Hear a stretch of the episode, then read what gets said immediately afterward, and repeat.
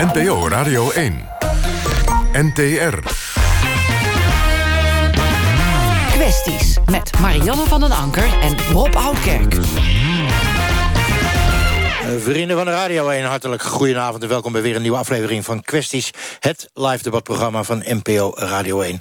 Waarin wij actuele en soms brandende kwesties in Nederland met elkaar bespreken. U kunt ons zien hier in deze bus via de app of op radio1.nl. En tweet vooral via Twitter met ons mee. De hashtag kwesties is de bekende hashtag. Spanje en België, zij hebben het dit jaar gedaan. Een registratieplicht ingesteld voor imams. Als reactie natuurlijk op de betrokkenheid van imams... bij terreuracties in Europa. Maar hoe zit dat eigenlijk in Nederland? En hoe zit het hier met de imams? Sinds de aanvaringen met Erdogan is er twijfel... over de onafhankelijkheid van al die Turkse imams in Nederland. Een paar weken geleden nog werd haatpredikant El Alami Amouts gesignaleerd in Den Haag. Deze week was er forse opschudding over een imam... die in een Rotterdamse moskee werkt... terwijl hij in Engeland is veroordeeld voor kindermishandeling. Schiet die controle op imams tekort in Nederland? Moeten wij ook gewoon een registratieplicht instellen? Of moet er een betere opleiding komen voor imams? Zoals de directeur van de koepelorganisatie van islamitische scholen... deze week in een interview zei. Dat gaan we allemaal bespreken. Maar eerst gaan we, zoals gebruikelijk, naar Marianne van der Anker. En zij staat in Hartje Amsterdam op de Nieuwmarkt. Marianne. Ja, dat klopt, eh, Rob. Op de Nieuwmarkt hier vanmiddag eh, was een demonstratie gaande... voor de uitbreiding van de verkrijgbaarheid van de abortuspil.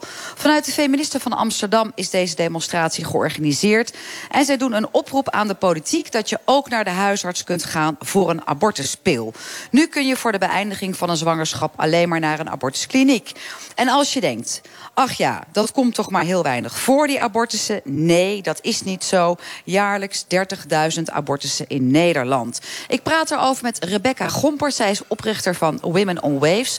Een organisatie met een schip dat wereldwijd rondvaart... om vrouwen overal voorlichting te geven over anticonceptie... en ook over niet-chirurgische abortussen.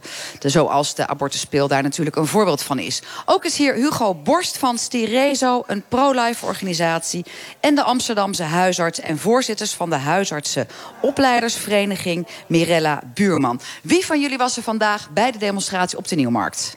Wij waren erbij. Ja, dat zijn Rebecca en uh, uh, Mirella. U was er niet bij, meneer Borst? Dat klopt. Nee, u was er niet bij. Hugo was er niet bij. Dat is misschien ook wel weer logisch, want hij is niet zo heel erg voor abortussen. En laat staan dat hij voor de abortuspil is.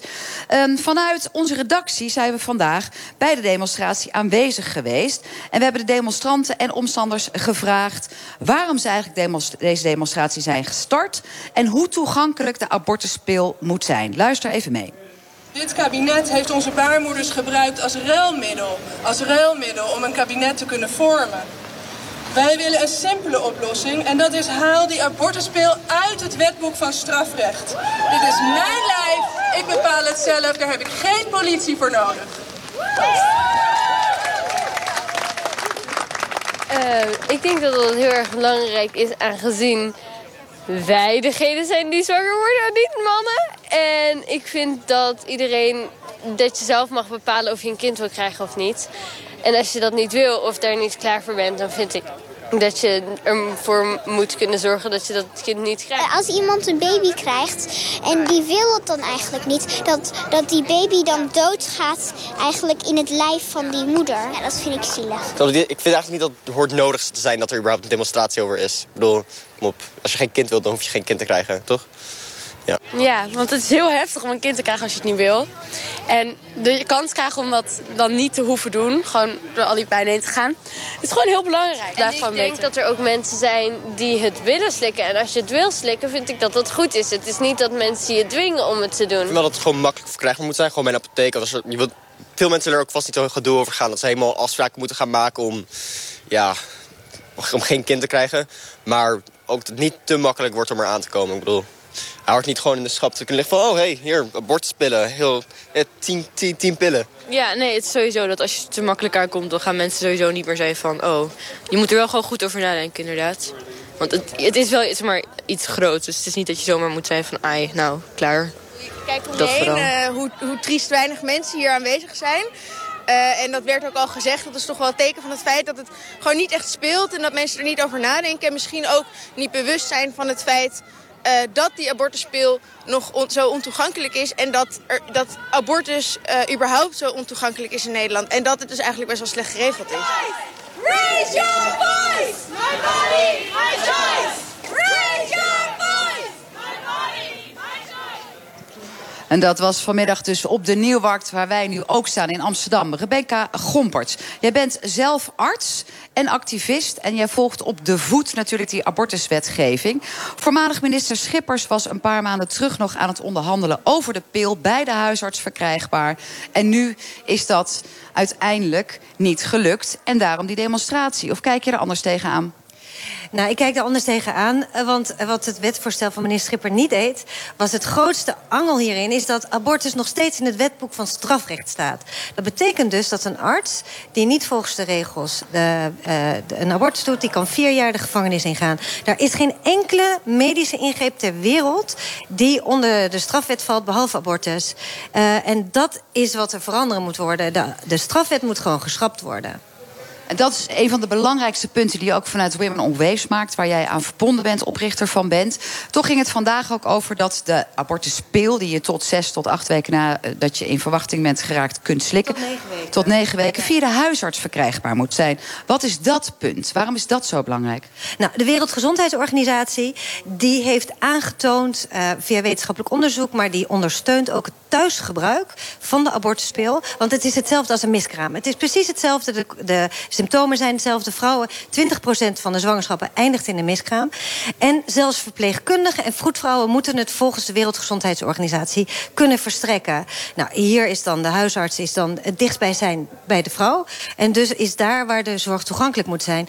Bijvoorbeeld, in heel Zeeland is er geen abortuskliniek open op dit moment. Dat betekent dat vrouwen uit Zeeland die moeten naar Rotterdam Een meisje van 14 die zwanger is, die nog nooit in een grote stad is geweest, dat is een enorme opgave voor haar om daarheen te gaan. En dat is gewoon slechte zorg. We zorgen niet goed voor de Nederlandse vrouw door niet te zorgen dat die abortspeel gewoon via de huisarts kan worden voorgeschreven. Nou, zover uh, het standpunt van Rebecca Gomperts. We en hebben hier en de Wereldgezondheidsorganisatie, om dat er maar even bij te zeggen. En wellicht straks ook. Nou, laten we dat meteen even doen. Mirella, jij bent uh, zelf huisarts hier uh, in de buurt. Maar ook natuurlijk voorzitter van die Landelijke Vereniging van Huisartsenopleiders.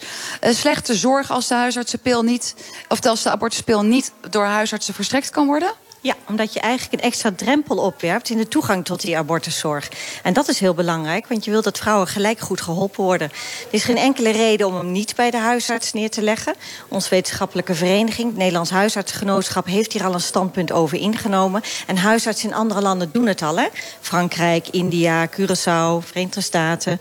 Dus we lopen weer eens lekker eindeloos achter als Nederland, dat progressieve land. Ja, zeker. Dat is de wet van de remmende voorsprong. Hè? Dus uh, hoog tijd om dat in te halen. Abortuspil hoort bij de huisarts thuis. Nou is het wel zo dat juist dit kabinet heeft gezegd... ten aanzien van die abortuspil, niet bij de huisarts... want de huisarts heeft zelf praktische bezwaren opgeworpen. Hoe zit dat dan, Mirella? Nou, dat heeft ermee te maken dat er juridische onrust uh, is. Maar dat is, uh, heeft te maken met hoe die wet in elkaar zit. Die is onnodig complex gemaakt. Ondertussen heeft uh, de wetenschap ons al lang ingehaald... en ook heeft de WHO ons ingehaald. Die abortuspil die kan veilig bij de huisarts. Zoals Rebecca al uitlegde, het is niet anders dan een spontane miskraam. Huisartsen kunnen dat goed begeleiden. Huisartsen begeleiden vrouwen ook al na miskramen, bij miskramen. En huisartsen begeleiden vrouwen ook in zaken van de anticonceptiezorg. Dus die abortuspil bij de huisarts. Onrust is er ook. Hè, niet alleen uh, bij huisartsen qua juridische toepassing als het gaat over die abortuspeel, maar ook bij de pro-life organisaties. Uh, we hebben hier ook Hugo Bos. En het zijn natuurlijk met name de christelijke partijen die die abortuspeel hebben tegengehouden. Jij bent zelf van de katholieke organisatie Stirezo. Ben jij eigenlijk altijd al tegen abortus geweest? Ten principale tegen abortus, Hugo? Ja, zeker. Vanaf, vanaf mijn geboorte, bij wijze van spreken. Ja.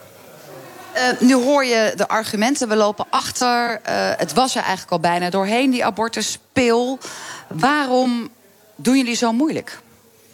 Ja, een heel simpele reden is dat het doden van een medemens, een ongeboren medemens, nooit en ten nimmer een medische ingreep is. Want het is het beëindigen van het leven van een mens. Het is dus geen medische ingreep. Het is geen vooruitgang. En het is ook geen oplossing voor de problemen die de vrouwen hebben. Als de vrouw een financieel probleem heeft, waardoor zij zich gedwongen voelt tot een abortus, moeten we haar financiële probleem oplossen. Als zij verslaafd is, moeten we haar met haar verslaving helpen. Als zij bedreigd wordt door haar man die niet accepteert dat ze zwanger is, of de familie die het niet accepteert, moeten we haar veiligheid brengen en niet haar kind doden. Dat is nooit de oplossing. En er zijn vele vrouwen, en die komen bij ons... zijn honderden vrouwen per jaar die hulp zoeken... omdat ze na die tijd met gewetenswroeging zitten... Om, over het feit dat ze hun eigen kind gedood hebben. Ik wil graag ja. hierin. Want dat is, Mirella Buurman. Ja, dat is een groot misverstand. Vrouwen hebben geen psychische klachten na het doen van een abortus. Vrouwen krijgen psychische klachten op het moment dat hun sociale omgeving dat niet accepteert. Dus als ze ervoor veroordeeld worden. Daar gaat het om. Trouwens, um, ik ben ook voor leven, daar ben ik voor. En dan moeten we juist zorgen voor veilige abortuszorg. Want als we daar niet voor zorgen... zullen vrouwen altijd op zoek gaan naar een abortus als ze die willen. En dat betekent in landen waar dat niet goed geregeld is... dat we 13% moedersterfte hebben. Dus juist als je levens wil redden... moet je veilige abortuszorg regelen. En daar, ja, is een ja. vroege, vroege abortus is Rebecca veel, Goppert. ja, is veel veiliger voor een vrouw dan het doorzetten van de zwangerschap. In Nederland gaat ongeveer 1 op de 20.000 vrouwen overlijdt aan ten gevolge van de zwangerschap. Als je een vroege abortuspil neemt, dus tot 9 of 10 weken zwangerschap, is dat minder dan 1 in een uh, miljoen. Dus het is een van de meest veilige medische ingrepen die er bestaat. Uh, Viagra is veel gevaarlijker. Er gaan veel meer mannen dood tijdens het gebruik van Viagra dan vrouwen aan het gebruik van de abortuspil. Ik wil nog zeggen, mensen als je dit luistert, teken de petitie. We hebben een burgerinitiatief zijn we begonnen. Uh, je kan uh, via de Goede Zaak, Abortuspeel, Nederland wil Abortuspeel... tekenen hem. We hebben 40.000 handtekeningen nodig. Oké, maar uiteindelijk is er natuurlijk ook een beweging in Nederland van pro-life... die hier helemaal niet voor zijn.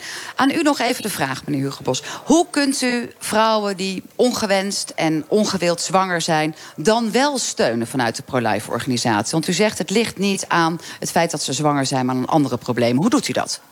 Nou, het eerste is, mevrouw Gompert zegt dat het veilig is. Veilig abortus spreekt ze over. Het is nooit veilig. Het kind is namelijk degene die sterft. Een weerloos en onschuldig kind wordt gedood... omwille van onze belangen en onze interesses. Dat kan nooit een oplossing zijn, is nooit veilig. Het andere is, uh, hoe kunnen we die vrouwen helpen? Ik heb het gezegd. Vrouwen zitten soms in moeilijke situaties. Wij staan... Maar hoe doet u dat? Want u bent een stichting u zegt wij helpen ook honderden vrouwen. Wat we ook hebben begrepen, jullie staan ook bij de abortusklinieken klaar... om vrouwen te helpen. Hoe helpt u ze? We gaan in op de problemen die vrouwen ervaren. Er wordt gesproken over dat vrouwen een keuze zouden moeten hebben. Op het moment dat een vrouw in financiële problemen zit... in de schuldsanering zit en zich gedwongen voelt tot een abortus... heeft ze helemaal geen keuze. Maar neemt u dan die schulden van deze vrouw over? Zegt u, wij gaan zo voor het leven, wij helpen u met luiers... wij nemen alle kosten van u over? Wij betalen de eerste twee jaar, en als het moet langer... betalen wij alles voor het kind. De babykamer, de luiers, de, de melk, de kleding... alles betalen wij voor het kind. Wij zijn degene die echt iets doen aan de problemen die vrouwen ervaren. En na twee jaar? Vraagt Rebecca Gompert van Women on Waves. ook als dat nodig is.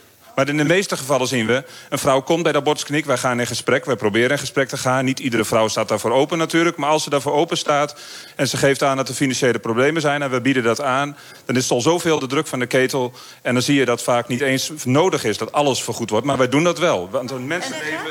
Ik vind het echt, Rebecca Gompert. Ja, ik vind het echt fantastisch werk. Het is alleen zo dat de meeste vrouwen ervoor kiezen om niet zwanger te willen zijn en geen kind te krijgen. En in dat geval moeten vrouwen gewoon zelf de beslissing kunnen nemen. Dat is deel van onze maatschappij. We zijn een vrij land met vrijheid van, uh, van geloof. Daar hoort ook bij dat uw geloof, dat u vindt dat het een uh, leven is wat afgebroken wordt. Dat is prima. U hoeft nooit een abortus te ondergaan. Maar u mag ook niet vrouwen belemmeren door die abortuspil bij de huisarts weg te houden. Om toegang te hebben tot goede medische zorg. Uh, het, het is een fundamenteel onderdeel van onze maatschappij, democratische maatschappij, dat dat juist niet wordt, dat dat niet wordt belemmerd. Maar u zegt, wij willen dat juist heel erg graag belemmeren. Laten we even vragen aan Mirella Buurman, want jij bent zelf huisarts. Waarom komen vrouwen bij jou als ze zeggen, of jonge vrouwen, oudere vrouwen, ik ben ongewenst zwanger geraakt? Ja heel diverse redenen. Bijvoorbeeld omdat de anticonceptie faalt. Bijvoorbeeld omdat ze een eerste vriendje hebben. Bijvoorbeeld omdat ze al drie kinderen hebben en geen vierde willen. Er kunnen heel diverse redenen zijn. Vrouwen hebben er goed over nagedacht. En als ze geen zwangerschap willen, dan mogen ze die afbreken. Is, het wel zo dat we in Nederland eh, 30.000 van dit soort momenten hebben in vrouwenlevens? Gaat er dan Heel weinig, hè? Dat is heel weinig. Als je dat vergelijkt met andere landen... Kijk even naar Polen. Iets waar ProLife van heeft gezegd... nou, fantastisch dat er strengere wetgeving is. 150.000 abortussen op 38 miljoen mensen. Vier keer zoveel als in Nederland. Dus het helpt niet. Je redt er geen levens mee. Je brengt de levens mee in gevaar. Niet doen. Nou is het wel zo dat er ook in het eh, eh, eh, bandje wat we vanmiddag hebben opgemaakt werd gezegd... het moet niet te gemakkelijk worden. Dat ook jonge meisjes denken van, nou ja, weet je... net als met de morning after pill die je tegenwoordig gewoon bij de drogist kan kopen... dat zou met zo'n abortuspil ook niet makkelijk mogen zijn. Hoe zit u daarin? Als u nog even weggaat van die abortus met de pil het mogelijk maken, meneer Bos... van Nou, een grote beslissing als het beëindigen van je zwangerschap... en daarmee het doden van je kind, dat is iets waar je goed over na moet denken. Dus het afschaffen van een bedenktijd van vijf dagen... zou zeer ernstig en schadelijk zijn. Dat er drempels zijn, is alleen maar goed. Wij vinden dat er helemaal geen abortus moet zijn. Maar als die er al is, moeten er drempels zijn... en moet vrouwen hulp aangeboden worden in de problemen die ze ervaren. Eh, want we hebben natuurlijk gewoon wel al abortuskliniek in Nederland. Zijn er niet zo heel veel meer. Dus het aspect van dat je moet reizen... en het gemakkelijk mogelijk moet maken van, eh, voor vrouwen. Vindt u daar nog iets in zitten, meneer Bos? Nou, het, geeft aan wat voor industrie eh, de abortusindustrie is. Volledig corrupt. Er is gigantisch veel fraude en corruptie geweest. De staat is voor miljoenen opgelicht. En de burgers moeten dat geld betalen. Dus daar blijkt wel uit wat voor geest er in die abortusindustrie heerst. Wie van jullie wil erop reageren? Ja, reden te meer om de abortuspil bij de huisarts eh, te brengen, zou ik zeggen. Daar kan het veel goedkoper. Vrouwen hebben een vertrouwensband met hun huisarts. Er goed over nagedacht. Wij kunnen ze daarbij goed ondersteunen. En die abortuspil geven wordt een stuk goedkoper van. Laagdrempeliger, veiliger voor iedereen. Ik wil nog iets zeggen. Rebecca Gompert, Women on Het gaat hier fundamenteel over sociale ongelijkheid. Vrouwen met geld, met, informa met informatie... die kunnen altijd makkelijk een abortus eh, toegang krijgen. Of het is in een land waar het eh, illegaal is, zoals in Polen of in Nederland. Die hebben een auto, die rijden naar een kliniek. Wij worden regelmatig gebeld door vrouwen die hier ongedocumenteerd zijn... die niet het geld kunnen opbrengen om een abortuskliniek te betalen... eh, die, die wanhopig zijn, maar ook bijvoorbeeld inderdaad... wat ik zeg, jonge meisjes die, die, die absoluut hun ouders mogen het niet weten... omdat ze zulke soort ouders hebben als van meneer Bos... eh, die als ze erachter komen echt verschrikkelijk boos worden. En die mensen moeten we juist kunnen... De, die toegang kunnen bieden, die laagdrempelig. Het idee... Het- alleen al het idee dat er wordt gezegd... het moet niet te makkelijk worden, want er wordt misbruik gebruikt. Het disrespect wat daaruit spreekt voor vrouwen... en hun de mogelijkheid dat zij zelf beslissingen kunnen nemen over hun leven... dat is onvoorstelbaar. Het is zo respectloos. We, een kind opbrengen kost veel meer. Ik ga een reactie vragen van meneer Bos. Zelfbeschikkingsrecht, eh, recht van de vrouw om zelf te mogen kiezen... versus pro-life. Waar kiest u dan voor? Het zelfbeschikkingsrecht heeft altijd grenzen. En die grenzen liggen bij het nemen van het leven van een ander. Ook de rechten van de mens, eh, die wij wereldwijd ook ondertekend hebben... zeggen dat een mens een recht op leven heeft... en ik mag niet vanwege mijn zelfbeschikking het leven van een ander nemen. Dat is een absoluut recht wat nooit, eh, waar je nooit tegenin kunt gaan. Is het zo dat bij de katholieke gemeenschap, zoals net werd gesuggereerd door Rebecca Gompert, het ook heel lastig is als je daar zelf ongewenst zwanger bent? Ik, ik denk dat het met geloof niet zozeer iets uit te staan heeft. De mensenrechten zijn universeel. Die, zij staan niet, die hangen niet af van welk geloof je hebt. We zijn het er samen volgens mij over eens dat het niet, dat het niet ons toegestaan is... om het leven van een ander onschuldig mens te nemen. En eh, eh, dat heeft niets met geloof te maken. Er zit wat dat betreft weinig licht en ruimte in de reactie van Hugo Bos. Dat is wat hij vindt. Wat willen jullie daar nog tegenover stellen? Want we zijn aan het einde gekomen van dit onderdeel. De, de mensenrechten, eh, de Verenigde Naties Mensenrechtencommissies hebben gezegd dat een abortus een mensenrecht is. Dat is uit eh, expliciet zo gezegd. Dus eh, het idee dat dat een menselijk le- autonoom menselijk leven is... zoals meneer Bos suggereert... dat is door de Mensenrechtscommissie zelf... is dat dus niet... Jullie komen niet er hier vanavond niet uit. Nog één reactie wil ik voor jullie hebben op het punt van de politiek. Er wordt natuurlijk gezegd omdat de christelijke partijen zijn toegetreden... dat daarom D66 nu deze abortuspil heeft laten gaan. Gaan jullie daar vanuit Women on Waves en vanuit de huisartsen nog wat aan doen? Mirella? Nou, ik verwacht dat D66 daar natuurlijk op terugkomt. Want uh, D66 is net als wij gewoon voorstander van die abortuspil. Dus uh, daar maak ik me niet zo'n zorgen over. Wel dat ze nu in zo'n lastig kabinet zitten. Maar de abortuspil hoort bij de huisarts uh, thuis... hoort voor vrouwen laagdrempelig toegankelijk te zijn. En stekende petitie. en daarmee... Heb jij nog een petitie, Hugo? Nee, we hebben geen petitie, maar je ziet wel... het politieke landschap is aan het verschuiven. In Polen wordt abortus steeds verder teruggedrongen. Brazilië heeft het helemaal verboden. Trump is het keihard aan het terugdraaien. En wat u betreft is het sowieso basta als het gaat over uh, de abortuspil. Wij danken jullie allemaal hartelijk. Rebecca Gomperts van Women on Waves. Hugo Bos, Stirezo Pro-Life. En Mirella Buurman, huisarts en tevens voorzitter van de Landelijke Huisartsenopleidersvereniging. Rob, terug naar jou, terug naar Rotterdam. En dat was Marianne vanaf de Nieuwmarkt in Amsterdam. Het is uh, 22 minuten over 8. U luistert naar het programma Kwesties en wij gaan het hier hebben over de imams in Nederland. Is er wel genoeg inzicht wie dat eigenlijk zijn? En vooral wat ze komen vertellen. Lang niet altijd, bleek deze week eerder weer eens. Columniste Fidan Ekis schreef een boze column in het AD over hoe het mogelijk was dat hier in de moskee in Rotterdam, waar wij vanavond met de bus staan, een imam de dienst leidt die in Engeland is veroordeeld voor kindermishandeling.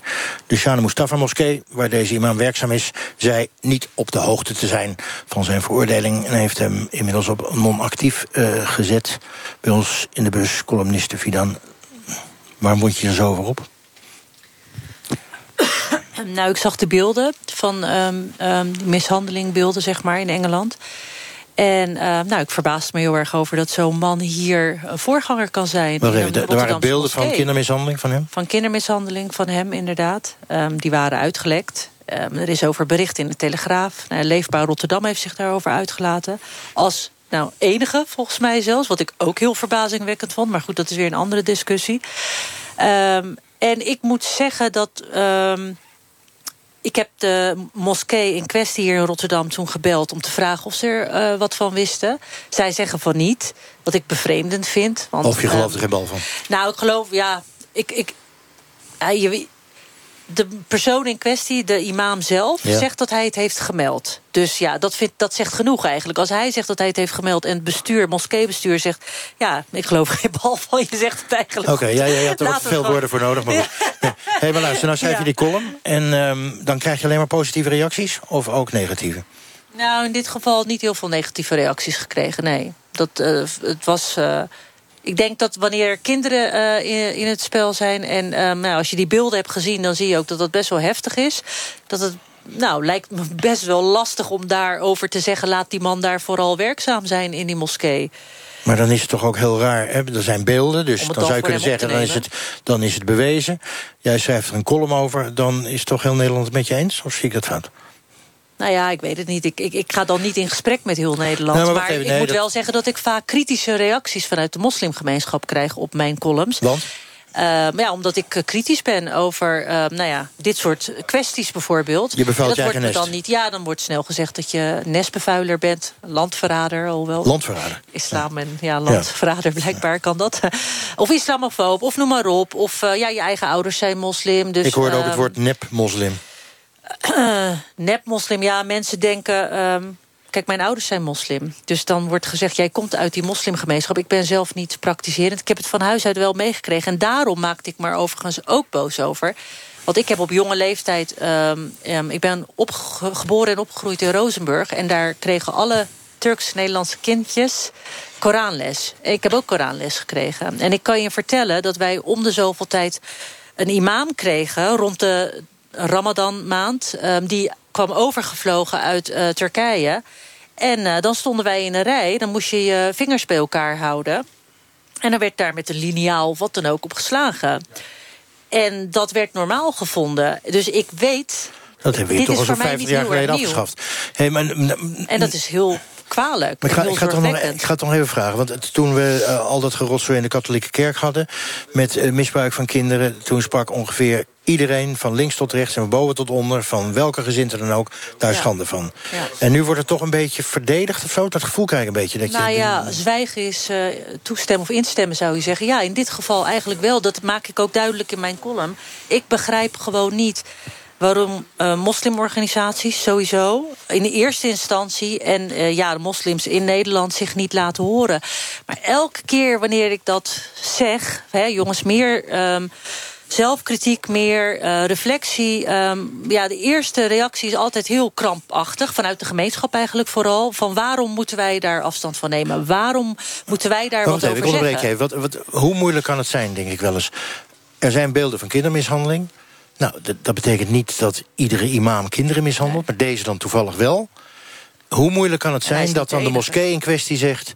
ja, uh, dat is ons bekend, daar nemen wij afstand van... we stellen hem op non-actief, we gaan hier niet meer akkoord, weg. Hoe moeilijk is het? Ja, er werd gezegd dat ze de imam uh, een, tijd, de, een tijd lang niet meer welkom zou zijn in de moskee. Maar ze zouden wel met hem in gesprek gaan. En toen ik zei, waarom sturen jullie hem inderdaad niet meteen weg? Was het, ja, nou ja, hij komt hier al wel vaker. En het heeft heel erg, het is ook cultureel bepaald...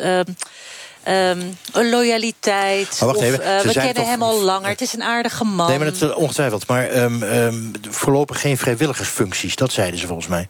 Dat is toch iets anders dan we willen hem hier niet zien. Ja, voorlopig niet. Dat hebben ze mij niet uitgelegd. Okay. Ik weet niet of daar verder nog iets over is gezegd. Maar hij is hier niet welkom en we gaan met hem in gesprek. Waarvan ik inderdaad ook denk, waarover moet je in gesprek nee, maar goed, het, het, het, was een officiële reactie op hun website. Nou, okay. wij hebben ze natuurlijk uitgenodigd. Dat spreekt vanzelf. En u voelt het al aan als luisteraar. Ze wilde niet komen. Maar ze verwezen wel naar de regionale overkoepelende islamitische organisatie. En uh, daar is de bazin, noem ik je maar even, van uh, aanwezig. Marianne Voorthoorn. Uh, je zit hier niet namens de moskee, dat is duidelijk. Maar nou hoor je dit verhaal uh, van Fidan. En dan? Nou ja, ik hoor het niet alleen van Fidan. Wij hebben ook de beelden gezien. En wij waren ook uh, in shock. Uh, moet duidelijk zijn, het is echt verschrikkelijk wat daar gebeurt tegen kinderen. de moskee was ook in shock. En het was echt voor hen nieuw. Uh, toen de eerste berichten naar buiten kwamen... dat was eigenlijk in een artikel van 21 oktober in de Telegraaf. Uh, pas later zijn die beelden naar buiten gekomen. Toen zijn, toen zijn ze dus met hem in gesprek gegaan. En toen heeft hij het verteld. En toen hebben ze hem ook meteen gezegd van... ja, maar je moet ons echt op beraden. En pas later kwamen die beelden. En toen was het natuurlijk helemaal evident. Dus uh, het moskeebestuur en ook mensen binnen de gemeenschap... zijn echt, zijn echt geschokt. En hebben toen ook gezegd van... voorlopig niet meer welkom hier. Oké, okay, Marianne, maar je zegt... ze moesten zich beraden. Maar dit, dit is een bewezen feit, het is niet een gerucht. Ja. Dan hoef je toch niet meer te beraden? Nou, kijk, even voor de helderheid... dat is misschien ook verklaard een deel de reactie die, die Fidan heeft gekregen aan de telefoon. Kijk, hij is dus niet in dienst. En hij is dus een aantal jaren uh, in Engeland geweest. Hij is sinds enkele maanden weer in Nederland. En het was, hij is dus niet aangesteld of zo als imam... maar af en toe ze hebben daar helemaal niemand in dienst. En af en toe was het, wil jij ook voorgaan in het gebed. Hij heeft geen les gegeven aan kinderen... Um, en, ja, het is, en daar is het niet gebeurd. Dus dat, wat, dat wordt bedoeld met, met beraden. En bovendien had hij eerst zijn eigen uitleg... maar toen kwamen de beelden. Toen was het helemaal duidelijk. Kijk, ze hebben natuurlijk geen inzage in politiedossiers. Gelukkig maar ook niet. Dat kan, kan, krijgen wij als gemiddelde burgers ook niet. Dat is ook niet de bedoeling. Nou, dat zou dus je- juist wel moeten gebeuren. Fidan, je zegt dat zou moeten gebeuren. Ja, dat vind ik wel. Ik vind dat daar veel meer transparantie over moet zijn. Wat, wat, wie is iemand? Waar komt hij vandaan? Ehm ehm, eh, Maar dat geldt niet alleen voor imams, dat geldt ook voor rabbies... voor de katholieke kerk, dominees, pastoor, ja, alles. ongetwijfeld. Maar goed, we hebben het nu over imams. En daar is nogal wat aan de hand. Ik vind dat daar veel meer... Iedereen kan zichzelf tegenwoordig maar imam noemen. Eh, eh, we hebben gezien in Barcelona dat een zelfverklaarde imam... een groep onopgeleide zover heeft gekregen dat die aanslagen eh, gingen plegen. Dus het is nogal wat waar we het over hebben. Oké, we gaan er zo eh, verder over praten. Tanja Hoogwerf van Leefbaar Rotterdam, al vaker hier in de bus aanwezig. Jij zei, als ik je goed citeer, dat weet je maar nooit... of een onderzoek of sluiten die moskee. Ja, en als er niet afdoende wordt meegewerkt aan het onderzoek... eh, dan alsnog sluiten. Want eh, dit is voor ons eh, gewoon simpelweg onacceptabel. En hoe sluit je moskee? Eh, op basis van eh, gevaar voor de open oor- openbare orde en veiligheid. En ik denk, hè, als je eh, ziet dat iemand kinderen mishandelt vanuit... Nee, maar goed, dat doet hij hier niet natuurlijk. Hè. Hij is veroordeeld daarvoor. Wie zegt dat? Ja, weet ik niet. Dat weten wij dus ook niet. Eh, en ik vind niet dat je dat risico moet kunnen lopen als het gaat om kinderen. En eh, dat is ook precies waar eh, de intransparantie een probleem gaat vormen. We hebben in Nederland afspraken met elkaar gemaakt. Iedereen die werkt met kinderen moet beschikken over een verklaring omtrent gedrag. Dat is bij deze imam dus hoogduidelijk niet het geval geweest. Hij is gewoon in aanraking gekomen met kinderen. Eh, iedere eh, moskee geeft Koranlessen. Iedere imam is daarbij betrokken. Eh, het zou wel heel erg toevallig zijn als dat in dit geval dan toevallig ineens niet zo is. We hebben gewoon behoefte aan duidelijkheid. En nou zit jij in de gemeenteraad. En heb je de hele gemeenteraad mee? Nee, natuurlijk niet. Uh, want het is schrijnend. Het is net als Fidan uh, al zegt. Uh, landelijk heeft de PVV inderdaad aandacht gevraagd na het eerste bericht. lokaal zijn we er na de beelden op doorgegaan. Maar andere partijen die altijd zeggen de mond vol te hebben... van rechten voor kinderen, et cetera, et cetera... die zijn stil. Het zijn echt krekels op de achtergrond, je hoort niemand. Mensen als Fidan spreken zich uit en krijgen een hoop ellende over zich heen. In meerdere kwesties, als het gaat om moeilijke onderwerpen... hoor je niemand in de raad. Het gaat om kinderen, het gaat om vrouwenemancipatie... is ook zoiets, daar brandt niemand zijn handen aan. En ondertussen worden de lezingen orthodoxer... worden de mensen orthodoxer... en krijgen we grotere uitdagingen als het gaat om radicalisering... en moslimextremisme. Ik ga dit onderwerp even onderbreken. Zo gaat het op een nieuwszender. En dat is en blijft Radio 1 altijd. Want er is nieuws uit Zimbabwe. Daar heeft president Robert Mugabe zojuist op televisie de bevolking toegesproken. Correspondent Bram Vermeulen is daar. Uh, Bram, goedenavond. Wat zei hij? Goedenavond. Uh, nou, hij zei niet waar wij allemaal op zaten te wachten. Uh, hij heeft eigenlijk een soort uh, State of the Nation meer voorgelezen... met allemaal punten van, van regering, van zorgen. hij heeft gezegd dat er wel oneenigheid in de partij is... Um, en dat die oneenigheid moet worden bijgelegd op typisch Zimbabwaanse manier. Dat er verzoening moet komen. Maar de woorden waar heel Zimbabwe, en ik denk toch ook wel de wereld op zit te wachten... namelijk dat hij aftreedt, heeft hij niet uitgesproken. En het meest bizar nog wel was dat hij geflankeerd werd... door de militairen die deze week de macht in Zimbabwe hebben overgenomen. Um, en die ogenschijnlijk ook zaten te wachten op die woorden. Maar uh, Mugabe ronde zijn speech af. Het leek wel alsof hij een aantal pagina's niet voorlas. Dus we, ja, we zijn allemaal een beetje in shock. Maar, maar wacht even, het, was toch duidelijk dat de, zijn partij had gezegd... Je, je krijgt de gelegenheid voor morgenavond je aftreden bekend te maken... en anders dan uh, doen wij het wel of zo. Maar daar is dus niets van gekomen. Nee, het is, uh, het is inderdaad zo dat hij dus vandaag is afgezet... als partijleider van de regeringspartij ZANU-PF. Ja. En dat al een, een opvolger is aangewezen... en dat zijn partij heeft gezegd... je moet voor 12 uur morgenmiddag ja, ja, je aftreden bekendmaken. Anders gaan wij een afzettingsprocedure tegen jou beginnen. Nou, in de speech refereerde hij daar niet eens aan. Sterker nog, hij heeft het over wat we gaan doen op het congres van ZANU-PF in december... en uh, hoe we toch alle geschillen bij moeten leggen. Maar niets van een aftreden. Uh, en dat betekent dus dat de ZANU-PF nu maar één uh, weg nog heeft... en dat is die afzettingsprocedure. Maar, maar Bram, dit moet toch voor de nodige verwarring zorgen? Want de Zimbabwanen gingen dit weekend massaal de straat op. Gaan die dit pikken? Um, dat is een interessante vraag. Uh, gisteren was inderdaad een historische dag. Um, ik denk echt meer dan 100.000 mensen op straat waren. Harare was afgeladen vol, alle straten.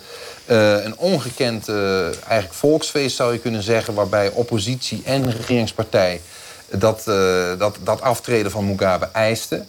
Nu die dat niet doet, of daar de reactie op zal zijn... Uh, we gaan meer protesteren of sterker nog geweld... het lijkt mij sterk. Het protest op zaterdag was buitengewoon vredig. Er is niet één steen uh, door de lucht gevlogen. Er is niemand die elkaar iets uh, onwelgevallig heeft ge gezegd. Dus het is bepaald niet zo dat het Zimbabwaanse volk op het punt staat... om Mugabe met geweld te verdrijven. Ik denk dat ze dit heel uh, via de legale route willen doen. Uh, daarom zegt ook uh, de, de, generaal en de generaals voortdurend... dit is geen staatsgreep, dit is geen coup. Het is gewoon even een ingrijpen om ervoor te zorgen dat Mugabe gaat aftreden. En waarom doen ze dat? Omdat ze heel graag legitimiteit willen. Ze willen niet de geschiedenis ingaan als een militaire junta. Ze willen dat die economie weer wordt opgestart... dat ze worden geaccepteerd door de buitenlandse, door de internationale gemeenschap. En dat betekent dus dat ze moeten terugvallen op de wettige route. En die wettige route kan dus alleen maar via het parlement. En daar gaat dan morgen, verwacht ik, die afzettingsprocedure beginnen. Mevrouw Vermeulen, um, um, to be continued, zou ik maar zeggen. Hou ons uh, op de hoogte en dat ga je ongetwijfeld doen. Dank voor uh, je commentaar. Uh, van Zimbabwe naar, um, van president Mugabe naar imams. Het lijkt een kleine, maar het is een grote stap.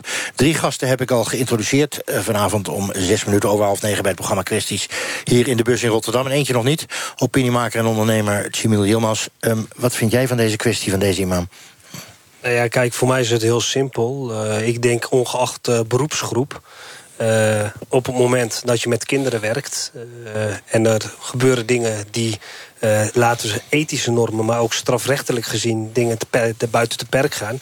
dan moet je dat gewoon aanpakken. En dan maakt het niet uit vanuit welke religieuze gemeenschap je bent... of je bij een kinderdagverblijf werkt of wat dan ook. Um, ik geloof wel in heel gelijke monniken, gelijke kappen. Dus ik ga niet overreageren of extra mijn aandacht op één gemeenschap richten... op het moment dat het daarbinnen gebeurt. Dus ik denk uh, dat het heel goed is dat deze man uh, op non-actief is ge gezet. Uh, en dat er ook bepaalde eisen überhaupt worden gesteld aan een ieder die met kinderen werkt. Dus ook als het gaat om imams in dit geval. Ehm, en ik denk dat als het gaat om wat, wat nu al een tijdje gaat... als het gaat om het registreren van imams ik denk dat als het vanuit de overheid wordt geïnitieerd... dat dat een zeer problematische ontwikkeling is. Ja, maar laten we, laten we het daar even over hebben. Want bedoel, daar gaat het natuurlijk om. We kunnen natuurlijk uh, over ja. dit, dit geval blijven praten. Je kunt het ook even breder trekken. Uh, België en Spanje die hebben gewoon een registratieplicht... na al die toestanden in Brussel en Barcelona. Die imam die verantwoordelijk is, mede verantwoordelijk voor die aanslag in Barcelona... die bleek in Brussel te hebben gezeten. En de Nederlands-Marokkaanse haatpredikant El Alami Abu Hamza...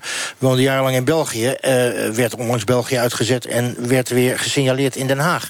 Ja. Moeten we niet gewoon, uh, vraag ik me eerst even, Marianne... moet er niet gewoon een registratieplicht komen? Even los van hoe lastig dat is. Nee, daar zou ik niet voor zijn. Kijk, weet je, ik kan een heel zeg maar rechtsstatelijk verhaal gaan houden, ga ik niet doen. Nee. Uh, maar ik vind het vanuit dat opzicht heel problematisch. Ik ben het overigens volledig eens met Jamil. En inderdaad, voor mensen die met kinderen werken... moet je gewoon heldere eisen en criteria voor hebben. Uh, maar wat ik steeds merk, kijk, dit is ook net gezegd... ik geloof er geen bal van, hè, wat er is gezegd. Of het zou wel heel toevallig zijn als die man hier niet met kinderen heeft gewerkt. Er is een soort structureel wantrouwen. Hè, alsof je als moslims of moslimorganisatie... je bent schuldig totdat het tegendeel is bewezen. Dat klopt niet. En dat, dat stemt ook niet overeen met de realiteit. Als we het bijvoorbeeld bijvoorbeeld hebben over het probleem van extremisme, radicalisering. De moskeeën zijn de eerste om te zeggen dat willen we niet. Wij hebben, we hebben een conferentie bijvoorbeeld gehouden met onze aangesloten organisatie al bijna een jaar geleden. Met OM erbij, met ministerie, met de IND, het UEV. Echt de hele reutemeteut. Van juist van wat kunnen wij nou doen met elkaar? Want we willen allemaal geen extremistische sprekers om dat tegen te gaan. Maar, dus dat gebeurt al. Marianne, dan heb ik echt een vraag voor je. Waarom komen er dan nog steeds extremistische predikers naar moskeeën die ook bij jullie aangesloten zijn, maar, welk, maar, welke, maar welke dan, Tanja? Die conferentie was in een Gaussia-moskee. Er zijn geen, er zijn geen casus geweest in Rotterdam... waar dat is aangetoond dat er haatpredikers zijn. Dat is onzin. Er zijn... Nou, dan ben ik benieuwd welke je in gedachten hebt. Er zijn Pakistaanse extremistische predikers... Engelse extremistische predikers naar de Gaussia-moskee gekomen. Dat staat gewoon op Facebook, staat gewoon online. Dan hebben we misschien... Die allemaal geweld hebben verheerlijkt. Die hebben gezegd het is terecht dat iemand die afvalligheid promoot wordt gedood. Dat zijn predikers die door Rotterdamse moskeeën worden uitgenodigd. En wat mij betreft is het echt tijd dat we daar paal en perk aan stellen. Ik heb er niks aan als er leuk wordt gedaan voor de bühne. Ik heb er echt wat aan als er wordt ingegrepen op het moment dat Ik ga je even onderbreken, want was het maar eh, voor de bühne... ik kom ook even bij jou, Marjan. Ja. Want jij zegt natuurlijk, iedere moskee zal daar tegen zijn. Die willen die radicalisering helemaal niet. Waarom komen ze dan vanavond dat hier in de bus niet uitleggen? Ik snap daar geen bal van. Neem nou. niet kwalijk dat ik jouw woorden overneem. ja, ja, ja. ja. ja. Ik, nee, maar over ik, ik snap dat echt niet. Nou, dat heeft, dat heeft te maken gewoon met dat het allemaal vrijwilligers zijn... die het een beetje spannend vinden om in de media te spreken... en die dan juist ook een beroep op ons doen van... jongens, kunnen jullie zeg maar uitleggen hoe het zit? Uh, dus daar heeft het heel praktisch mee te maken. Het is niet omdat men zich niet uitspreekt, want dat is juist gebeurd. Ik bedoel, er is een verklaring ook bij de moskee. Er is heel veel, nu hebben we het weer even over Shani Mustafa, begrijp ik. Dat gebeurt juist. Maar wat zo prettig zou zijn, dat, dat geldt voor alles en iedereen. Dat als er iets bepaalds aan de hand is, dat je niet indirect met derden praat... maar dat je direct met de mensen praat waar het om gaat. Want dan komt er misschien ook wel meer duidelijkheid, meer begrip... maakt mij niet uit wat. Maar ik krijg altijd een beetje rillingen over de rug als ik denk... ze komen niet. Ja. En we hebben ze gevraagd. Ik ja? Want je gebruikt uh, zojuist het woord uh, wantrouwen om dat wantrouwen juist voor te zijn... of überhaupt te voorkomen, zou je juist moeten registreren. Dat is alleen maar in het voordeel van iedereen die in een moskee werkt of die naar de moskee gaat. Want dan weten we met wie we te maken hebben. Ik, ik, ik kan niet zo goed begrijpen, want er wordt hier gesproken over kindermishandeling... of we hebben het nu over Rotterdam. Nee, we weten allemaal wel dat er een heel groot probleem is... dat veel verder gaat dan alleen maar kindermishandeling. We weten niet wie die imams zijn... Ehm, en we weten dat het ook vaak misgaat. Want landelijk zijn er geloof ik twintig haatpredikers of zo... niet toegelaten tot Nederland. Dus er is nogal wat aan dan. Waarom zouden we dan niet Jij met z'n zegt allen dus gewoon registreren is zeggen... een goed idee. Maar dan zegt Jamil weer... Ja, eh, Waarom zitten we niet op één lijn wat dit betreft? Ik begrijp dat gewoon niet. Uh, wa- wa- waar het hem zit is het volgende. Ik vind dat je als gemeenschap zelf wel moet registreren. Waarom? Omdat bij die registratie bepaalde criteria aangehangen kan worden. Opleiding, verklaring van goed gedrag, et cetera. Het gaat over het reilen en zeilen. Mhm. Over het zelfreinigend en zelfkritisch vermogen van jou als islamitische gemeenschap. Die beweging kan je faciliteren en stimuleren als een overheid zijnde. Maar we leven in een liberale, democratische rechtsstaat. Op het moment dat ik als overheid dit enkel eis van één gemeenschap... en ik wil dat als overheid opleggen... dan gaan we gewoon ons boekje te buiten. Dus doe het, Maar Jimmy, islamitische stimuleer landen het. doen dit zelfs Huh? al. In Egypte en Ja, in maar Marokko gebeurt het al. Ja, ik vind het nou niet care. echt lichtend voorbeeld. Nou, hoor, omdat we die het hebben over, vaak hebben over discriminatie... dan denk ik van nou, laten we dan... en, misschien valt het dan beter als ik zeg dat Marokko het bijvoorbeeld wel Nee. doet... en dat Egypte het wel doet. maar, We hebben- ik- we hebben onderbreek scheiding van. Maar kerk kan niet blijven zeggen, zij doen het niet, bij hun hoeft het niet... dus wij doen het ook niet. Maar. Dat blijft Maar nog even, een ander probleem, nog bagatelliseren. even een ander probleem. Want hier komen we niet uit. Dat voel ik nou al. In ieder geval niet voor negenen. Maar ik denk ook, als ze om ons heen nou strenger worden... en wel gaan registreren... dan komen ze allemaal hierheen, want hier wordt niet geregistreerd. Ja, en dat zie je dus ook al gebeuren. We hebben, je hebt net zelf het voorbeeld eh, genoemd van een imam eh, die België uit is gezet en die gewoon gezellig verder preekt in Den Haag. Dat overigens niet nu pas doet, maar de afgelopen drie jaar ook al heen en weer is geweest. We hebben het voorbeeld gezien van Tariq Ibn Ali, eh, die gewoon heel Europa door is gereisd zonder dat een strobreed in de weg is gelegd. Die is uiteindelijk uit Engeland eh, overgeleverd aan Spanje... omdat hij betrokken is bij financiering van jihad en rondselarij. Dat soort mensen moet je tegen kunnen houden. We hebben op dit moment de mogelijkheden simpelweg niet om dat te doen.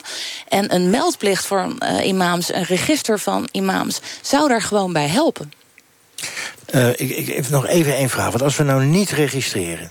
is er dan een andere methode om, laten we maar zeggen... de kwaliteit, de rechtschapenheid... hoe je Nee, het ook wil noemen, van imams... Nee, maar M- Wie is voor jou voor registreren? Wie registreert er dan? Even om je verhaal, om jouw eh, vraag nog ik denk dat duidelijker te dat, krijgen. dat, dat hetzij de lokale, hetzij de landelijke overheid is.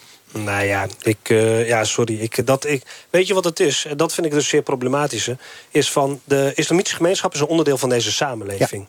Dus in principe zou je moeten gaan nadenken... hoe kan je deze gemeenschap zich verder laten wortelen... een onderdeel van de samenleving laten zijn... en hoe kun je gezamenlijk bepaalde uitdagingen te lijf gaan. Op het moment dat je gewoon een apart beleid gaat eh, formuleren... voor één enkele gemeenschap, ga je gewoon te buiten. Oké, maar dan, Maar dan onder maar dan gaan we dan ook gewoon alle, alle Eh, dominees, maar- alle andere, alle Maar rabbis, misschien alles, alles even, registreren. Ik zeg, als je gaat registreren, Ja? Alle geestelijke ver- Ja? verzorgers... Ja? hangen bepaalde criteria aan die beroepsgroep. Laat ze ook punten blijven verdienen. eh, net zoals advocaten dat hebben. Dat je gewoon jezelf moet vernieuwen. En op het moment dat je een prediker uitnodigt... Dan moet dat bij de IND Duidelijk standpunt. eh, via een Duidelijk werkvergunning. standpunt. Heel Tanja? simpel. Eh, de hou op, schei uit. Je moet wel reëel blijven. En we weten ook allemaal waar het probleem... Nee, niet helemaal. We weten allemaal waar het probleem op dit moment zit. En het probleem zit niet zozeer bij dominees... eh, die verwerpelijke dingen zeggen... eh, en eh, oproepen tot extremisme... waardoor er gewoon een levensgroot risico is van aanslagen. We weten dat extremistische predikers... vanuit de islamitische hoek dat doen. Je moet een probleem signaleren, benoemen en aanpakken. En dat mag je ook best concreet doen. Ik word er doodziek van. Dat we Maar altijd maar... Nee, nee, nee, even, laat me even mijn zin afmaken. We hebben gevraagd om een convenant tegen haatpredikers. Dan zegt de burgemeester, nou, dat moeten we niet doen... want we hebben scheiding tussen kerk en staat. Ondertussen bezoeken we wel... Nee, ondertussen bezoeken we wel massaal iftars. Gaan we continu bij de moskee over de vloer... op het moment dat er iets van de hand is... dan is die scheiding tussen kerk en staat ineens niet meer aan de orde. Dat vind ik een gevaarlijke ontwikkeling. Je moet een islamitische gemeenschap aan kunnen spreken waar het misgaat. Wat wij bij kwesties altijd doen, is dat we niet alleen gasten in de bus vragen wat ze ervan vinden. Maar we vragen het ook in dit geval in een Rotterdamse volkswijk. En dat is spakken bij uitstek. Hoe men aankijkt tegen de bemoeienissen met de imams. Luister even mee. Ik vind het een heel goed plan dat we inzicht krijgen op hetgeen wat er afspeelt. Want als je dan eventjes teruggaat naar België, waar die één, eh, weet ik hoe die man heet... dat is gewoon verschrikkelijk, dat hij de mensen daar opruit en gek maakt. Want daar zoekt de sa- samenleving niet naar. Ja, voor mij is het wel een goed idee. Als, als, als, als je let op het- het doel ervan. Is het wel een goed idee. We hebben tot nu toe in Nederland nog geen echte aanslag gehad. Maar Londen, eh, eh, Madrid, eh, waar nog meer? Parijs. Nou, het staat zo te gebeuren hier. Ik ben voor vrijheid van geloof. Als iemand iets wil geloven, dan prima. Maar ik denk als je dat hier wil doen, dan moet het wel volgens westerse normen en waarden. En het is helemaal niet mis als ze dat meekrijgen. En dat ook gewoon uitdragen naar hun volgelingen, naar de mensen tegen wie ze spreken. Ik denk dat dat belangrijk is. Ik denk dat het ook helpt met de integratie. Er zijn er zoveel moskees, er zijn er zoveel imams. Waarom nog meer? Kijk, je hebt op het ogenblik een verschrikkelijke discussie over normen, waarden, weet ik het al niet. En die liggen bij sommige imams wel iets anders dan wat wij hier uh, acceptabel vinden. En dan denk ik dat het handig is als ze hier grootgebracht worden, als ze hier opgeleid worden. Ik zag pas ook weer iets op televisie over een uh, man die uh, ja, dan toch uh, haatdragend is zeg maar, naar de westerse bevolking. En dat ligt aan zijn grondslag, denk ik, dat hij dat niet begrijpt. En dat hij zich hier niet begrepen voelt, dat hij zich afgezonderd voelt van de rest. En ik denk, ja, de enige manier waarop je dat weg kunt nemen... is gewoon door te zorgen dat hij het hier begrijpt en dat mensen hem gaan begrijpen. Uh, Tanja Hoogwerf, jouw partij gaat uh, op dit moment volop in de aanval, mijn woorden. Donderdag stuurde je een persbericht, of stuurden jullie een persbericht uit, Leefbaar Rotterdam, waarin jullie pleiten voor ambtenaren die meeluisteren in een moskee. Waarom is dat nodig? Dat is nodig omdat we gewoon niet goed in kaart hebben... wat er op dit moment uh, wordt gepredikt in de moskeeën. Terwijl we wel weten dat er haatpredikers naar Rotterdam komen... dat er jongeren zijn uh, en ouderen die radicaliseren en vertrekken vanuit Rotterdam. We weten ook dat er uh, onlangs een Rotterdammer is veroordeeld voor vier jaar... omdat hij een Kalashnikov in zijn kelder had liggen... en een aanslag wilde plegen op het Turkse consulaat. Daar moeten we niet naïef in zijn. er zijn jongeren geradicaliseerd die ook moskeeën bezochten. en nou wil niet zeggen dat in iedere moskee iets verkeerd wordt gepredikt, maar kijkend weer naar het reële risico op aanslagen, ook in Nederland, zeg moeten we gewoon. Is luisteren nog niet zo gek idee? Marjan Yes. Voorthoren, een beetje afluisteren in de moskee? Goed idee? Nee, falikant. Ze zijn overigens van harte welkom, maar dat hoeft geen afluisteren te zijn. Iedereen Luisteren. is welkom in de moskee om te komen Maar luisteren. goed, maar dan is toch geen probleem? Dit is een vrij land, zijn ook vrije moskeeën. Maar afluisteren, wat ik zei, dan ben je weer gestructureerd wantrouwen aan het organiseren. En het wordt toch steeds voorgesteld alsof de moskeeën zeg maar, dit ontkennen... of geen medestander zijn, maar ze zijn juist medestander. Ik verwees al naar activiteiten die wij hebben ondernomen... en aansluitend bij wat Jamil zegt, inderdaad... we moeten ook scherper zijn. We moeten zelf kritisch zijn, we moeten die gemeenschap daarin versterken. Ik heb ook moskeeën die bijvoorbeeld ons bellen en die zeggen van... wij willen die en die uitnodigen, maar willen jullie ons wel adviseren? Kun je bijvoorbeeld bij de politie vragen of wat dan ook... of dat een goed idee is. Dus die welwillendheid die is er. Het zijn medestanders en dat moeten we met elkaar organiseren. En de, de mogelijkheden daartoe zijn er al. Oké, nou zijn de meeste moskeebesturen die zijn ehm, eh, op vrijwillige basis, hè, eh, amateurs. Allemaal. Allemaal. Eh, moeten we dat niet Ja, gaan dat wil niet zeggen dat het amateurs zijn, maar het is allemaal op vrijwillige Nou, ik- basis. Ik citeer Ja. Job Cohen, die ooit eh, als burgemeester van Amsterdam zei... wij zijn allen amateurs. Dus eh, dan is het In in goede dat geval, oké. Ja, maar moeten we dat niet verder professionaliseren? Nou, ik zou wel heel erg... Ik weet niet of je de besturen moet... eh, dat, het, dat het banen moet worden, dat niet per se. Maar professionalisering in de deskundigheid die nodig is... bijvoorbeeld op dit terrein. We hebben nu ook veel discussie over veiligheid van moskeeën. Dat is heel goed om daarin te investeren. Financiering, ook zoiets. In dat investeren in de professionalisering. En nogmaals, die welwillendheid is er ook bij de moskeeën. En, en hoe krijg je het dan voor elkaar dat die communicatie van hun uit... nou, laat ik het voorzichtig zeggen, beter wordt... weer wat volumineuzer wordt, meer wat duidelijker wordt... wat transparanter wordt? Ja, dat, daar kunnen we ook inderdaad in investeren. Ook op trainen. Ik bedoel, ja, dat, dat is... En die wil, die is gewoon de goede wil. Jamil? Ja, nou ja, ik, ik, ik moet altijd eh, een beetje lachen om, om het eh, leefbaar, eh, hoe heet dat, praatje. Van we zijn ontzettend liberaal, maar we, we willen gaan afluisteren en we willen imams Nou, afluisteren registreren. mijn woord, hè? Dat moet jij niet in de nou ja, ik heb het over hun eigen voorstel. En dan willen ze ook nu alle Rotterdammers etnisch gaan registreren. Ehm, ze willen ook bepaalde vestigingsklimaten in bepaalde wijken willen ze Wacht ook even, we gaan niet het hele leefbaar programma, Nee, maar waar ik het over Mag wil hebben, waar ik het over wil hebben is deze bepaalde normvervaging. Ja, we hebben uitdagingen, uitdagingen in deze samenleving. Ja, die moeten aangepakt worden. Maar we moeten deze uitdagingen niet gaan misbruiken om steeds verder van onze eigen liberale normen en waarden af te komen struinen. Laat ik het nog even eh, via een andere weg proberen. De imamopleiding. Hè. Een van de redenen waarom we zo weinig weten van imams... is dat het merendeel gewoon uit het buitenland komt. Eh, van de 500 moskeeën in Nederland is meer dan de helft Turks. Het Turkse ministerie van Godsdienstzaken, Dianet... is grootleverancier van die imams. Dus we hebben geprobeerd iemand daarvan naar dit programma te halen. Maar zij willen, ik citeer... niet over dit onderwerp praten met mensen die geen moslim zijn. En hier dus niks van afweten. Al dus, eh Dianet, eh, ben je moslim? Vraag ik maar eventjes van jou. Ja. Jij bent moslim, ja. Ja. Jij bent ook moslim, althans je ouders waren moslim. Ben je nog steeds... alles weten over het moslim zijn in eh, de islam. Dus Nee, maar mag- dit slaat echt helemaal nergens Maar wat op. interessant is, is natuurlijk het standpunt van... we willen niet praten met mensen die geen moslim zijn. Waar, waarom nou ja, dat ze dat zegt, dat, daar zit al het hele probleem. In, in, in één zin samengevat. En wat is er zo erg, wil ik nog de hele tijd zeggen aan... want we hebben het over eh, registreren, klinkt misschien een beetje negatief... negatief maar je gebruikt het woord. Toen dacht ik, dat is het. Het gaat over het professionaliseren van het ambt... Ja. Imam zijn. Een, een model ehm, creëren van rangen en verantwoordelijkheden... en een disciplinaire commissie... en, en een eh, bewaken van het naleven van beroepsstandaarden. Wat is daar zo erg aan? Volgens mij is iedereen daarbij gebaat. Er is een soort systematisch wantrouwen... waardoor we dit gesprek niet openlijk met elkaar kunnen praten. En soms denk ik wel eens, maakt het wat uit wie het zegt? Als Tanja het niet zou zeggen, of als ik het niet zou zeggen... Zou, het, zou er dan wel worden geluisterd, vraag ik me af? Weet ik niet, maar... maar Waar zit toch het probleem? Nou ja, maar het- ik vind prima dat je mij de vraag stelt, maar ik wou nou, ik vraag het niet, stel het niet echt bij jou, Nee, aan maar jou. ik zou- want je zou inderdaad zeggen, waar zit eigenlijk het probleem? Nou, er zit, er, volgens mij eh, er zit ontzettend veel verschil. Ook hoe verschillende eh, islamitisch-etnische gemeenschappen omgaan met eh, imams en qua opleidingen. Ik vind het inderdaad een te makkelijk verhaal om te zeggen... ze zijn niet opgeleid. Er zijn heel veel die wel opgeleid zijn. Het probleem in Nederland is dat er op dit moment... geen goede gedegen opleiding is die voldoet kwalitatief... aan wat je van een imam zou willen. Zowel op theologisch gebied niet, ook niet op sociaal-pedagogisch Maar die gaan we dan toch stichten? gebied. Eh, ja, daar zijn ze nu mee bezig. Volgens mij is het eerste wat nu ondernomen wordt... om in ieder geval een flink aantal zittende imams... eh, een extra-curriculaire opleiding aan te bieden via de VU.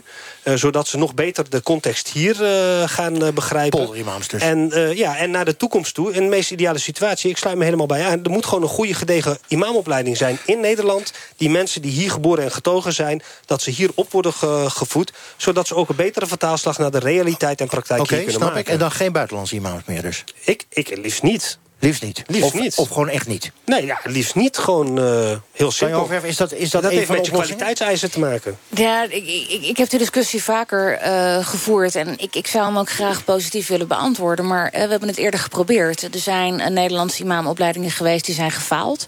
We hebben hier de Islamitische Universiteit Rotterdam... die inmiddels niet meer zo mag heten. Eh, daarvan zijn eh, drie eh, opleidingsgangers eh, geradicaliseerd... en naar Syrië vertrokken. Eh, dus eh, waar doen we het goed? Dat is gewoon een hele lastige vraag. We hebben de vicevoorzitter van die University of Applied Sciences Rotterdam. Want zo heet hij inmiddels. Ehm, Oké, is weer een ander. Die hebben wij gevraagd, ehm, eh, en ik ga zijn naam niet uitspreken... want dan ben ik struikelend misschien ergens bij het sternieuws daar mee klaar. Maar we hebben gevraagd wat die er eigenlijk van vindt... van nog een imamopleiding.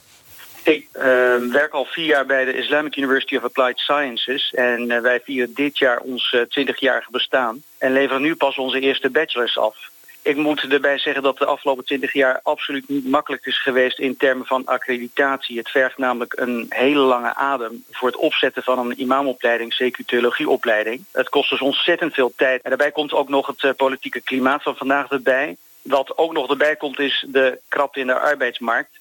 Ehm, wat betreft de registratie van, van imams, ehm, juich ik het toe, eh, mits dat eh, maatschappelijke en politieke erkenning heeft. eh, wat betekent dat het beroep, zoals bij alle andere godsdienstige opleidingen, beschermd wordt. En als dat op achter gesloten deuren op heimelijke manier, manieren op geheime lijstjes bij worden gehouden uit veiligheidsoverwegingen, dan is dat absoluut niet goed. En ik ga hem nu helemaal recht doen door zijn naam te proberen in één keer goed uit te spreken.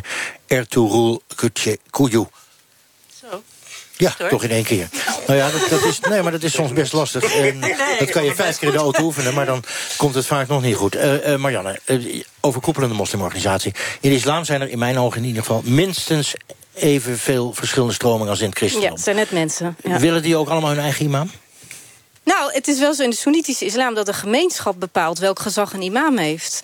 En in die, het is inderdaad geen beschermde titel. Ehm, het, overigens wil ik nog even rechtzetten, want net over professionaliseren hadden we het ook over de besturen. Dat is echt ook iets, weer iets anders dan een imam. Ik ben het ook echt mee eens. Kijk, bij onze moskeeën zijn echt geen imams die haat staan te prediken. Wat, wat ik, en dat willen de moskeeën dus uitdrukkelijk ook niet. Als iemand dat wel doet, word je vriendelijk, doch dringend verzocht om het pand te verlaten. Ehm, maar waar het veel meer om gaat, is of we die imams kunnen ondersteunen dat ze een positief proactief actief verhaal hebben, richting de jeugd ook... van hoe je inderdaad wortelt in deze samenleving. En daar moeten we op investeren. Ja, laten we, oh, sorry. Jij ga je gang. La, laten we wel wezen. Kijk, eh, de rol van de imam is net als die van de onderwijzer... die is veranderd. Er wordt op dit moment veel meer van die imam gevraagd... dan wat 10, 20, 30 jaar geleden werd gevraagd. Dus je zal ook als gemeenschap in die beweging mee moeten gaan. Ik ben helemaal voor een beroepsregister... en ook een bepaalde code of contact. En dat ze zich moeten blijven ontwikkelen als imam zijnde. Idealiter met mensen die hier geboren en getogen zijn... En met een opleiding van kwaliteit wat past bij de theologische... maar ook sociaal-maatschappelijke context. Duidelijk standpunt. Uh, Fidan Ekis helpt zo'n column. Um, ik hoop het. Ik krijg soms trouwens wel positieve reacties ook van uh, moslims die het met me eens zijn en die zeggen we moeten wat doen. Of we moeten eens bij elkaar komen en we moeten erover praten. Dan gaat het wel breder over zelfkritiek of kritiek binnen de gemeenschap. Maar ja, dat biedt wel hoop, ja. En met hoop sluiten wij altijd de uitzending op zondagavond af. Geloof, hoop en liefde. Wat wil u nog meer? Nou ja, net zoals uh, Mugabe en Zimbabwe wordt ook dit ongetwijfeld gevolgd. Ik dank jullie voor jullie aanwezigheid hier in de bus. Uh, volgende week zijn we weer ergens anders met een andere brandende kwestie. Maar nu eerst Radiodoc. En let op, dat gaat over de aantrekkingskracht van de trompet. En de pijnlijke poging, u heeft het vast ook wel eens gedaan... om daar het gedroomde geluid uit te krijgen. En daarna het verhaal van een berooide huisvader... die extra centen wil verdienen met een wietplantage op zolder. Wie droomt er niet van? Ik wens u een prachtige zondagavond en tot volgende week.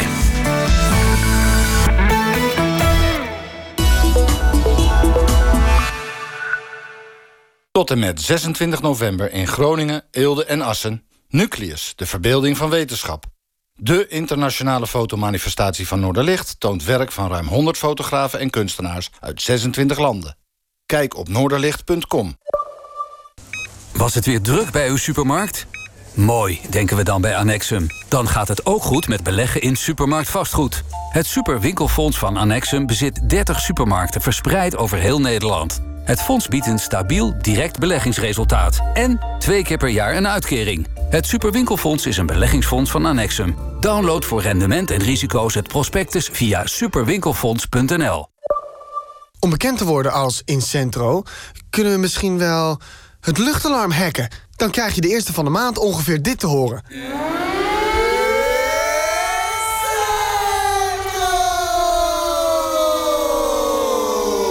Of uh, we kunnen gewoon een radiospotje maken. Incentro, een IT-bedrijf. Let op, inschrijven kan tot uiterlijk 30 november. Ga naar superwinkelfonds.nl. Hey Peet, fijn dat je mijn auto leent om je zus te bezoeken in Driebergen. Maar nu zie ik online dat je zus in La Montagne woont. In Frankrijk. Wanneer kom je terug? Er gaat niets boven rijden in een nieuwe Peugeot. Behalve rijden in je eigen nieuwe Peugeot. Daarom betaalt Peugeot de BTW tijdens de winterdrive van 17 tot en met 26 november... op alle geselecteerde modellen. Kijk snel op Peugeot.nl. Max is de stem van en voor ouderen en is er altijd en overal. Max bezoekt, Max viert en Max strijdt. Max wil nog jaren vele programma's voor u maken en opkomen voor uw belangen. Steun Max en word lid voor slechts 7,50 euro per jaar. Bel nu 0900 4x5 3x0 per minuut. of ga naar ikwordlidvanmax.nl. En ook op winterbanden en winteraccessoires betaalt Peugeot de BTW. Kijk snel op Peugeot.nl. NPO Radio 1